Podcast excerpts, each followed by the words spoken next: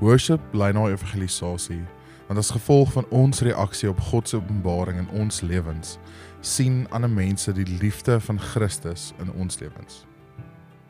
2 Korintiërs 5 vers 14 tot 19 sê For the love of Christ controls us because we have concluded this that one has died for all therefore all have died and he died for all that those who live might no longer live for themselves but for him who for their sake died and raised from now on therefore we regard no one according to the flesh even though for once regarded Christ according to the flesh we regard him thus no longer.